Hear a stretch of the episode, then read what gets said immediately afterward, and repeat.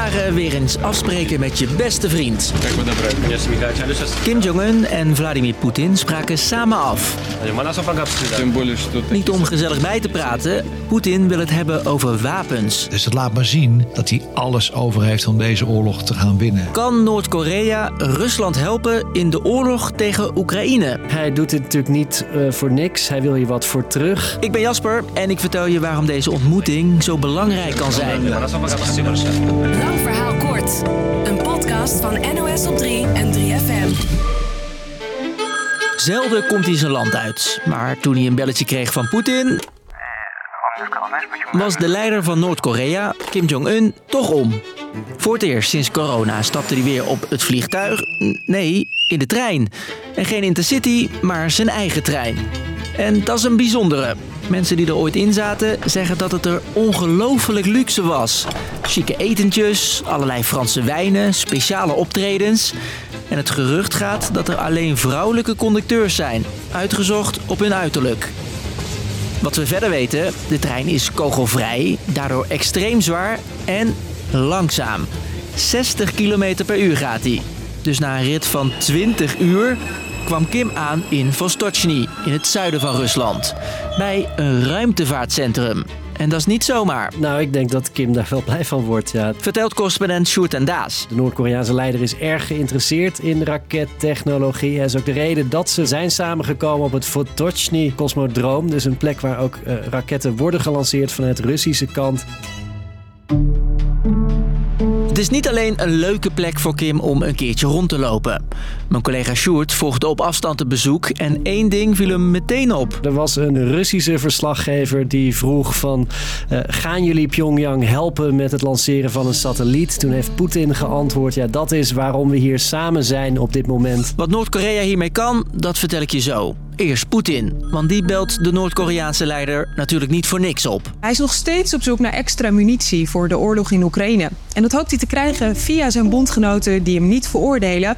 of zelfs juist openlijk steunen in die zogenaamde strijd tegen het Westen. Vertelt onze Rusland-correspondent Iris de Graaf. En daar zit voor Poetin nog iets achter. Het bezoek is ook symbolisch. Dat blijkt wel als je naar de Russische staatstelevisie kijkt.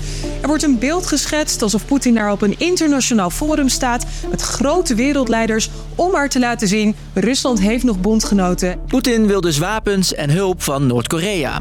Dat land wil daar wel iets voor terug.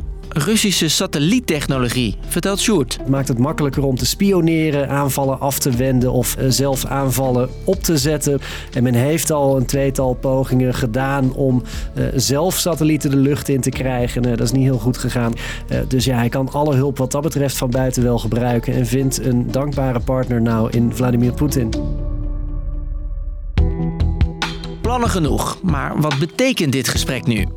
Volgens oud-commandant Peter van Hum is het in ieder geval geen goed nieuws, vertelt hij in zijn eigen podcast Veldheren. Ik vind het uh, diep triest dat twee van zulke figuren uh, door de nood geboren uh, tot elkaar veroordeeld zijn nu. Want de kans is groot dat de twee landen nu dus gaan samenwerken. Van beide kanten is er een wil om tot afspraken te komen. En die afspraken die zullen niet goed voor de wereld zijn. Wat er precies is besproken, daar komen we waarschijnlijk nooit achter.